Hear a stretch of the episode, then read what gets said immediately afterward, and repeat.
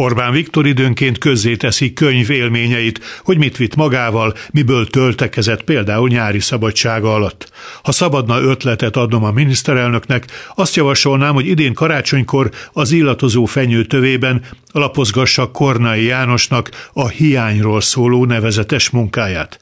Amikor a Corvinuson 2018-ban tudományos konferencián méltatták az akkor 90 esztendős professzort, sok kiváló, metsző élő koponya mellett szomorú kakuktojásként jelen volt az akkor már mániákus euroszkepticizmusába mélyen belesüllyedt, egykori önmaga árnyékának mutatkozó Václav Klaus, korábbi cseh köztársasági elnök, még korábbi miniszterelnök, még annál is korábbi reform közgazdász. Klaus jó ideig hitt a szocialista tervgazdálkodás helyes útra téríthetőségében, és vitriolba mártott tollával bírálta kornait, aki számára viszont régóta teljesen egyértelmű volt, és ezt világosan meg is írta az Anti-Equilibrium című művében, hogy nincs az a reform, amely piacgazdaságot hoz létre abból, ami alapvetően a piacgazdaság tagadása.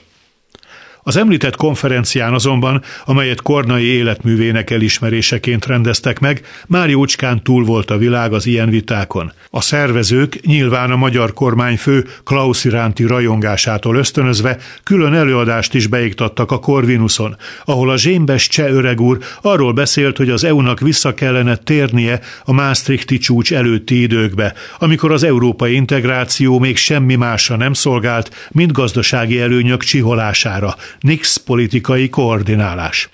Ezt csak azért részletezem ennyire, hogy érzékeltessem Klaus személyében a föderális Európa gondolatának a megveszekedett ellenzőjét, a brüsszeli bürokraták áldáz ostorozóját tisztelhetjük. Nem véletlen Orbán vonzódása. De, és itt jön a de, még ez a Klaus is, amikor azt kérdezték tőle az előadás után, miként vélekedik a hatósági árszabályozásról, általában, mint olyanról, hol volt még akkor a mostani ársapka viselet divat hóbortja, Szóval ő erre azt mondta, az árszabályozás teljes értelmetlenség, hiányhoz vezet. És ha eltörlöd az ármaximálást, akkor a hiány másnap reggelre eltűnik.